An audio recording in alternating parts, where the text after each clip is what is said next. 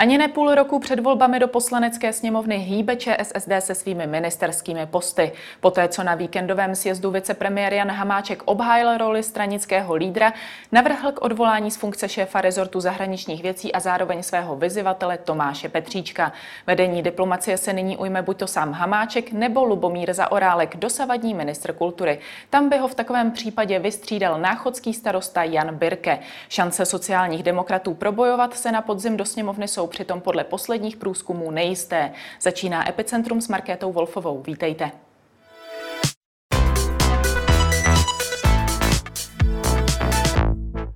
Ve spojení jsem s politickým analytikem Lukášem Jelínkem. Dobrý den. Dobrý den, přeju. Konec Tomáše Petříčka jakožto ministra zahraničních věcí. Jak moc byl v posledních dnech očekávatelný a nakolik třeba zasloužený? Očekávaný byl a zasloužený podle mě nebyl. Eh, dalo se předpokládat, že Jan Hamáček bude chtít, aby sociální demokracie mluvila po sjezdu jedním hlasem, aby byl obklopen eh, ve své politické straně ve vedení lidmi, kteří sdílejí jeho představu jednoznačně levicové politické strany, která je loajální k současné koalici a rozumím tomu, že se obával, že Tomáš Petříček by mohl být součástí jakési disharmonie, i kdyby zastával dál funkci ministra zahraničních věcí, ale nemyslím si, že by to Petříčkovo odvolání se dalo vysvětlit eh, nedostatky v jeho ministerské práci, protože sociální demokraté si nikdy na výkony Tomáše Petříčka na ministerstvu nestěžovali, vždycky postupoval v souladu se sociálně demokratickou politikou, s jejími principy a um, ta kritika zaznívala maximálně z Pražského hradu nebo od premiéra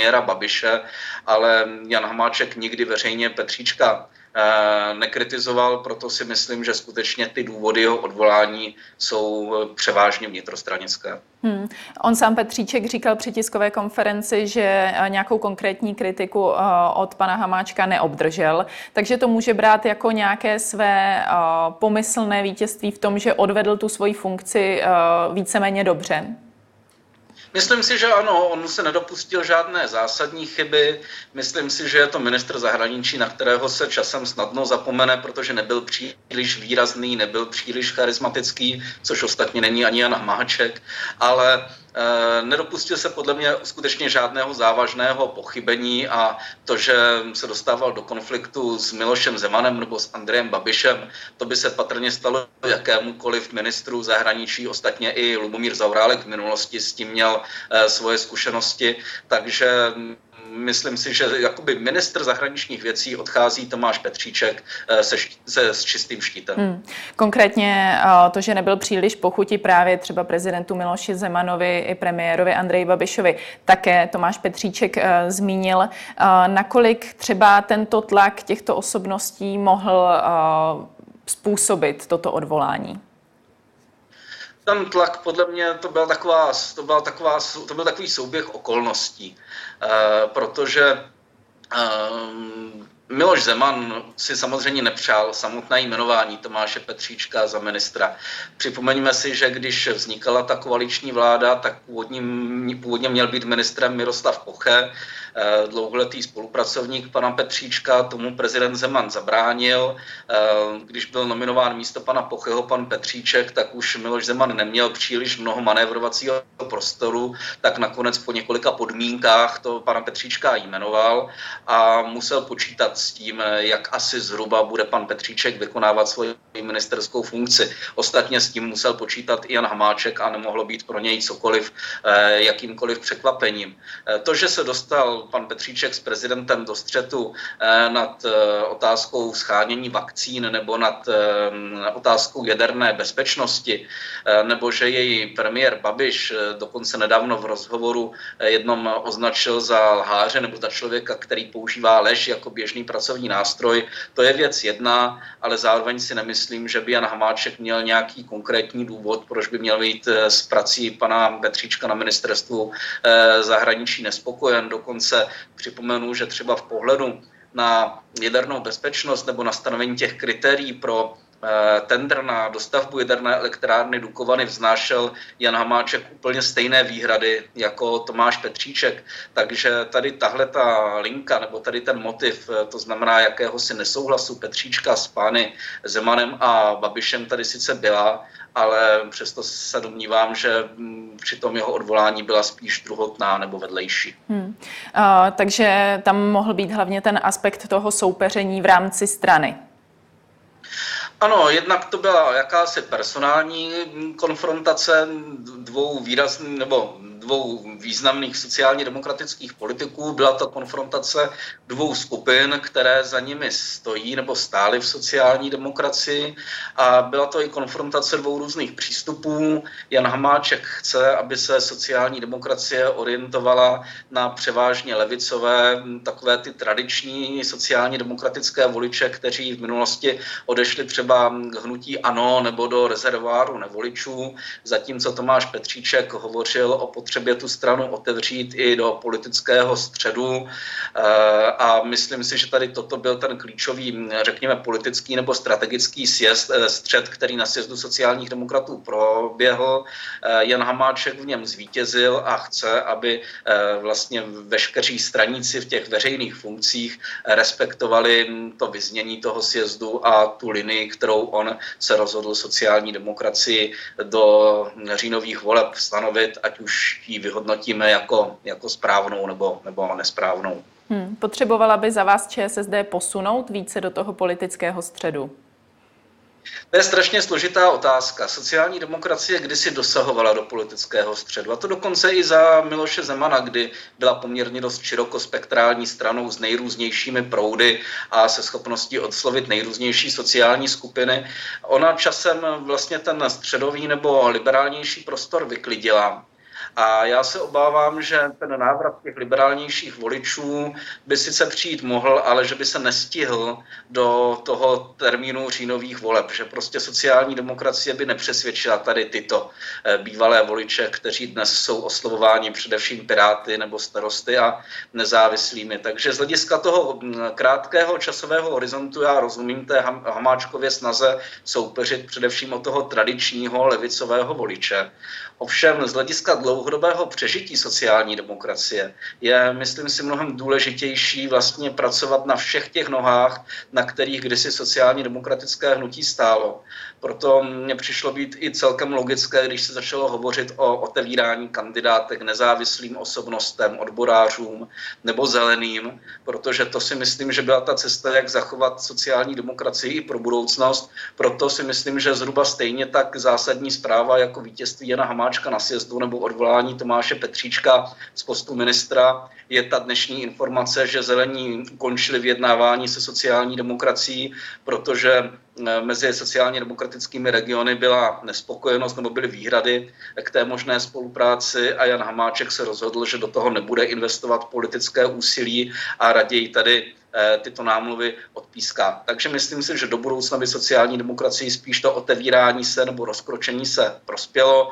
Z hlediska těch nejbližších voleb rozumím spíš té sázce na toho eh, vrabce v hrsti, na toho vrabce v hrsti a na toho konzervativního hmm. voliče. Eh, z hlediska těch blížících se voleb ta spolupráce se zelenými mohla uškodit nebo spíš pomoct? To je velká otázka. Já si myslím, že by spíš pomohla, protože sociální demokraté můžou sami získat, eh, když teďka odhledneme od průzkumu, třeba 4,7, 4,8 desetin procenta eh, voličů a mohla by se jim hodit každá desetinka procenta k tomu překročení té pětiprocentní hranice a k tomu třeba ti zelení, jakkoliv sami o sobě moc silní v současnosti nejsou, k tomu přispět mohli. Navíc mají celou řadu asi zajímavých osobností třeba v regionech, kteří by mohli zpestřit ty sociálně demokratické kandidátky, tedy hm, hovoříme o umístění zelených na kandidátky ČSSD, ne o, otevřené, ne o otevřené koalici, o které ani nebyla původně řeč. Takže to si myslím, že by sociálním demokratům pomohlo. To, že vlastně nějaké vyjednávání zkrachovalo, tak to jim naopak může svým způsobem uškodit a bude teďka hodně důležité, nakolik dokážou odkomunikovat alespoň ty svoje představy v oblasti programu, eh, ať už do voleb, eh, tedy v tom nadcházejícím šestiměsíčním období, nebo i v tom, co se chystají nabídnout voličům pro to příští volební období. Hmm. Ještě když se vrátíme k Tomáši Petříčkovi, ten kromě toho liberálnějšího hlasu ČSSD také zmiňoval svůj prozápadní a proevropský přístup. Znamená tedy jeho odchod objektivně to posunutí celkově ministerstva zahraničí více na východ?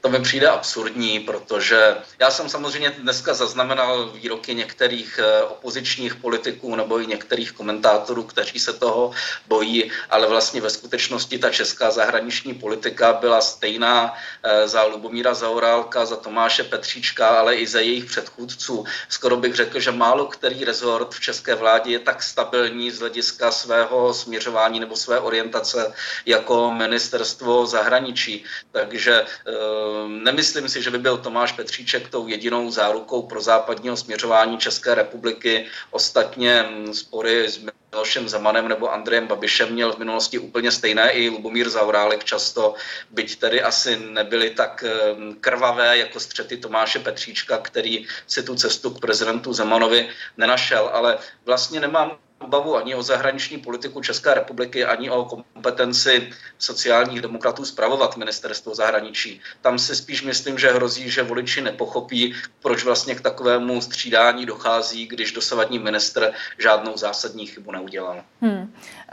Často se ve spojitosti s koncem Tomáše Petříčka skloňuje také přístup k neschváleným vakcínám i k tendru na stavbu bloku v jaderné elektrárně Dukovany.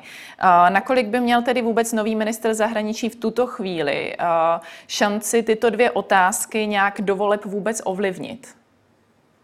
Uh, strašně malou, tedy myslím si, že Dukovany velmi malou, protože tam už byl nastaven určitý směr, kdy ministr průmyslu Havlíček hovoří o předkole toho výběrového řízení a o tom, že stejně samotný ten tender bude vypisovat až další vláda, takže tam maximálně ministr zahraničí může něčemu umetat cestičky, ale sotva může se dopustit nějakého zásadnějšího kroku. V případě těch vakcín, tak eh, jakkoliv nejsem odborník na vakcinační diplomaci, tak tam asi nějaký prostor pro ministra zahraničí může být, ale to nejenom k tomu pověstnému sputniku, o kterém se teďka tolik mluví i v souvislosti s nástupem nového ministra zdravotnictví, ale podle mě zejména ve směru toho společného postupu Evropské unie, eh, jednak k rozdělování vakcín, k licencování vakcín nebo dokonce třeba i eh, k výrobě nějaké vakcíny přímo na půdě a, a pod patronem, tak říkají z Evropské unie. Já si myslím, že v rámci mm,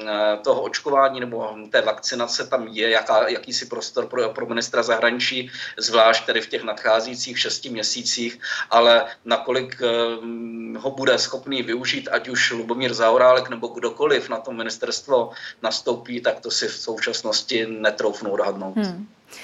K rošádám se na sociálních sítích vyjádřil také Miroslav Kalousek a připomněl podobnou situaci, ve které se nacházel ještě v době působení v KDU ČSL. Napsal v roce 2003 jsem v ostrém souboji na předsedu KDU ČSL porazil ministra zahraničí Cyrila Svobodu. Mnozí očekávali, že ho následně zaříznu a vystřídám ve vládě, jenže tenkrát gentlemanství v politice ještě něco znamenalo a tak Cyril doministroval do voleb. Nakolik je tedy postup Jana Hamáčka za vás nějakou známkou negentlemanství, nebo je to podle vás vlastně standardní postup? Tak eh, pokud bych se na to podíval cynicky, tak bych řekl, že politika je nelítostná disciplína a nikdo tam nemá nic jisté a často se ty účty vyřizují poměrně dost eh, krvavě, nelítostně, byť třeba ne vždycky před eh, kamerami a mm, fotoaparáty. Na druhou stranu já sám si nepamatuju, že by kdy jakýkoliv soupeř, jakýkoliv vyzivatel hm, předsedy politické strany na sjezdu letěl po své prohře, po svém neúspěchu z vlády tak rychle, jako Tomáš Petříček. Tady v tomhle tom vlastně postupoval hm, Jan Hamáček naprosto unikátně. Možná, že to potěší některé zastánce pevné ruky, kteří v něm uvidí silného politického hráče, který se se svými protivníky nemazlí. Spíš se ale bojím, že to veřejné mínění bude ten Hamáčkův přístup vnímat jako vyřizování si účtů nebo jako pomstu a bude teďka na Janu Hamáčkovi, aby ukázal, že eh, to tak není a že vlastně i ten příští eh, nájemce Černínského paláce eh, bude přinejmenším stejně kompetentní, jako byl pan Petříček. Hmm. I přes ten uh, striktní přístup uh, pana Hamáčka uh, chce Tomáš Petříček zůstat v ČSSD uh, a podle jeho slov je v Česku potřeba právě ta moderní proevropská politická strana. Uh, nakolik si tedy myslíte, že uh, najde ve straně uh, zastání s tímto názorem? Uh už v minulosti byl ten přístup Tomáše Petříčka, mm, řekněme, menšinový.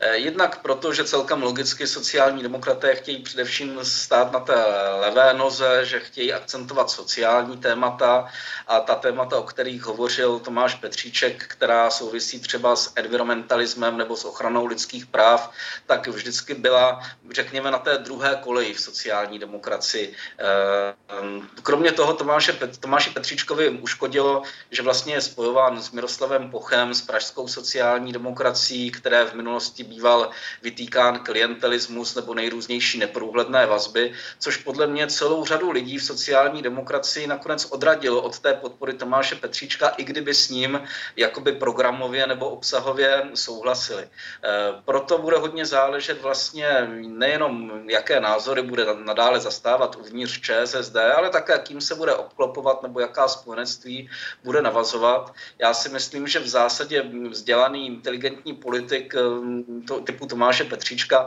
musí mít v demokratické levicové straně svoje místo. Eh, jiná věc je, jak to místo dokáže si sám najít a jak se dokáže uplatnit.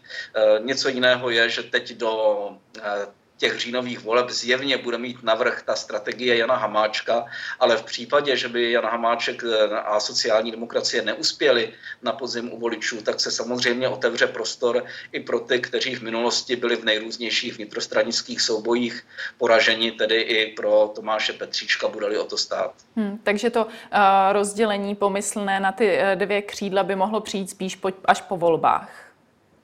Já bych tedy nemluvil úplně o rozdělení na dvě křídla, protože v sociální demokracii je to vždycky komplikovanější, ty, ty vztahy jednak personální a jednak programové, ale myslím si, že po volbách vlastně přijde ten okamžik um, sčítání má dáti dal, Eh, Jan Hamáček eh, vsadil všechno na svůj politický přístup, na svoji strategii. Pokud neuspěje, tak eh, bych se hodně divil, kdyby sám zůstával ve funkci předsedy a otevřel by se prostor o, pro diskuzi o budoucnosti sociální demokracie personální i programové. Pokud sociální demokracie překročí 5%, tak já předpokládám, že tím vlivným hráčem nebo nejvlivnějším zůstane Jan Hamáček a sociální demokracie se bude hodně orientovat podle toho, jestli skončí v opozici nebo jestli skončí ve vládě a taky podle toho, jak ta vláda bude vypadat. Jestli prostě tady bude prostor pro spíše konzervativní levicovou politiku, anebo jestli ta vláda uvolní prostor i pro to, aby sociální demokraté předváděli nejenom ty levicové konzervativní recepty, ale aby i oslovovali uh, levicové liberály. Hmm. Jan Hamáček ostatně slíbil, že ČSSD dostane v podzimních volbách do sněmovny. Vy tomu věříte? Já jsem poměrně dost skeptický na základě těch dosavadních průzkumů volební, veřejného mínění a na základě volebních modelů, kde sociální demokracie stále ještě klesá, což je částečně výsledek vlastně jejího odtržení od voličů toho, že je už dlouho vládní strana a že zkrátka vládní strana nemá tolik eh, prostoru nebo času na to, aby dbala o svůj elektorát sociálním demokratům ublížil vstup do vlády s Andrejem Babišem, to si myslím, že byla z hlediska ČSSD strategická chyba a navíc teďka jim stejně tak ani hnutí ANO nepřidává ta koronavirová epidemie, kdy důvěra ve vládu výrazně klesla. Proto si myslím, že ty vyhlídky eh, sociálních demokratů nejsou velké, ale do voleb je ještě daleko, stát se může ledacos a silnou stránkou sociální demokracie je vlastně příprava jakýchsi programových východisek a to to třeba i pro to období po skončení eh, té koronavirové krize, kdy se zkrátka bude hovořit o sociálních a ekonomických dopadech. A tam vlastně to sdělení sociálně demokratického sjezdu bylo celkem zajímavé, protože ČSSD tam přišla s celou řadou nápadů, nejenom na oprášení eh, bankovní nebo digitální daně, zkrátka toho, jak ehm, nově postavit tu příjmovou stránku státního rozpočtu, ale hovořila tam o pracovních podmínkách, ochraně pracovních míst nebo ochraně ochraně bydlení nebo snadnějšího, dostupnějšího bydlení, což jsou věci, které by voliče zaujmout mohly. Jenom je otázka, jestli to dokáže všechno sociální demokracie odkomunikovat, zvlášť v té ostré konkurenci s hnutím ANO a Andrejem Babišem. Hmm, jak celkově hodnotíte Jana Hamáčka jako lídra? No Jan Hamáček není příliš eh, výrazný, není silný, není charismatický politik. Eh, to si myslím, že měla sociální demokracie mnohem výraznější tváře eh, ve svém čele. Na druhou stranu myslím si, že je to vidět i z průzkumu veřejného mínění, že uspěl u občanů jako celkem kompetentní šéf ústředního krizového štábu, jako ministr vnitra, jako člověk, který vlastně zvládá tu krizovou situaci vyrovnaněji nebo kompetentněji než premiér Babiš bez toho chaosu, kterými občas prochází jak Strakova akademie nebo ministerstvo zdravotnictví. To si myslím, že je silná Hamáčkova stránka, že se ukázalo, že má přeci jenom nějaké politické zkušenosti i manažerské zkušenosti, že dokáže pracovat koncepčně, ale eh, co se týká jeho role co by stranického lídra, tak tam si myslím, že byl kdysi eh, vlastně akceptován sociálními demokraty jako jakýsi kompromisní kandidát, který spojí eh, různé proudy a který zajistí sociálním demokratům nějakou srozumitelnost, kontinuitu a hlavně zvyšování, zvedání těch předvolebních preferencí. On několikrát hovořil o odražení se od jedna, nic podobného se zatím nekonalo a to, že na tom sjezdu o víkendu opět byl zvolen předsedou, je spíš dáno tím, že neměl dostatečně silné soupeře, než že sám by byl tak eh, výrazným nebo silným lídrem. Hmm. Takže za vás Tomáš Petříček a nebo Kateřina Valachová nebyli dostatečnými tvářemi na to, aby ho na uh, tom postu vystřídali? Tomáš Petříček není o nic charismatičtější než Jan Hamáček, také to není žádný skvostný řečník a bylo to vidět i z těch jeho sjezdových vystoupení. Kateřina Valachová to je jiná liga, podle mě, to je politička velmi energická, eh, charismatická mm, a i manažersky zdatná, jenže do toho předvolebního střetu uvnitř ČSSD zde vstoupila pozdě, eh, neměla čas na to, aby se seznámila se všemi delegáty nebo se zástupci regionu, tak jak to bývá v sociální demokracii zvykem. Mnohými je také vnímána jako ještě relativně čerstvá tvář uvnitř ČSSD, takže já si myslím, že její čas v sociální demokracii teprve přijde to, že v tuto chvíli neuspěla se svým přístupem nebo se svojí představou, eh, to je věc jedna, ale něco jiného potom může přijít třeba na podzim nebo na příštím sjezdu sociálních demokratů, kdy právě po političkách eh, typu Kateřiny Valachové může stoupnout poptávka. Hmm. V tuto chvíli ještě není zcela jisté, jestli se rezortu eh, zahraničí ujme Lubomír Zaorálek či sám Jan Hamáček. Která z variant je za vás vlastně smysluplnější? No, smysluplnější je dopřát každému rezortu plnohodnotného ministra samozřejmě. E, takže by bylo asi logické, nebo lepší, kdyby jeden minister řídil jedno ministerstvo, než aby si e, Jan Hamáček hrál na dvojče Karla Havlíčka na superministra, který zvládne dva rezorty, navíc opět dva poměrně komplikované rezorty, jako je ministerstvo vnitra a ministerstvo zahraničí. Z tohoto hlediska je asi lepší najít rychle ministra zahraničí nového na plný úvazek. Eh, já chápu to, že, Janu, že, že Lubomíru Zaurálkovi se do toho příliš nechce, protože když rozpracujete práci nebo celou řadu projektů v jednom rezortu, tak je nešťastné je půl roku před volbami Eh, opouštět, zvlášť když si musel často komplikovaně hledat eh, cestu ke kulturní obci nebo k nejrůznějším eh, zájmovým organizacím v kultuře, tak v tuto chvíli tady toto předávat někomu jinému, aby znova začínal třeba dokonce i na zelené louce, to nemusí být ani pro samotnou sociální demokracii výhodné, ale na druhou stranu já cítím, že asi ten tlak ze strany Jana Hamáčka, aby Lubomír Zavrálek, co by zkušený diplomat, se vrátil zpátky do Šernínského paláce, že ten tlak je silný. Kromě toho Jan Hamáček už má za Lubomíra Zaorálka náhradu i na ministerstvo kultury, takže nakonec z hlediska sociálních demokratů by bylo asi logické, kdyby nakonec tady tato výměna proběhla, ale to, že se takto prodlužuje, a možná to, že vůbec k ní dochází, když, když ve skutečnosti není byl žádný věcný důvod střídat ministra zahraničí,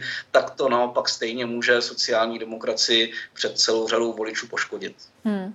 Jak z toho vlastně celkově výjde ministerstvo kultury? Právě se ozývají uh, hodně hlasy právě uh, z řad právě veřejnosti, že nechtějí výměnu Lubomíra za Orálka právě kvůli tomu množství uh, rozdělané agendy a zároveň vlastně jeho post by měl uh, zastávat někdo, kdo úplně s ministerstvem kultury do této chvíle neměl uh, co dočinění. Jak by z toho vlastně vyšlo právě ministerstvo kultury?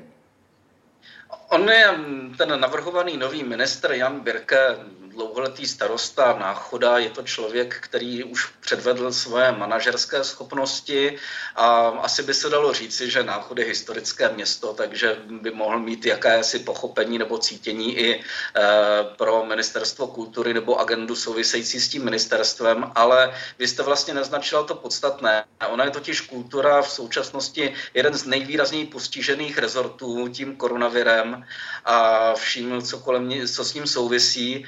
Ehm, pro Lubomíra Zaurálka bylo dost komplikované nacházet cestu jednak k ostatním ministrům a prosazovat zájmy kultury ve vládě, když se mu to podařilo, když se mu nav- podařilo navázat i spolupráci s nejrůznějšími eh, vlivovými skupinami v rezortu, tak eh, rozumím tomu, že úplně eh, odcházet nechce, cítíme to, slyšíme to, že jedna skupina umělců se výrazně zastává a Lubomíra Zaurálka chce, aby zůstal.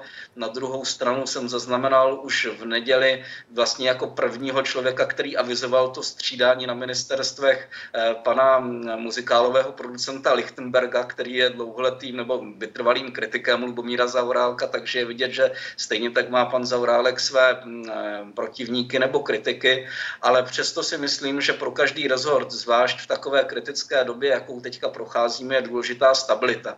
Proto si myslím, že by i v zájmu sociálních demokratů mělo být, aby co nejméně šibovali s těmi figurkami na šachovnici, protože nakonec se to může eh, vymstít jednak jejich pověsti, ale i stavu těch jednotlivých rezortů. Ale pokud už je Jan Hamáček rozhodnutý, tak eh, rozumím tomu, že už se teďka vlastně jenom čeká na to, kdy třeba Lubomír Zaurálek uzavře nějaké ty agendy nebo alespoň některé z těch projektů, do kterých se pouštěl a kdy Janu Hamáčkovi na ten požadavek toho střídání kývne. Tolik Lukáš Jelínek, mnohokrát vám děkuji za váš komentář. Nemáte zač, přeji hezký den.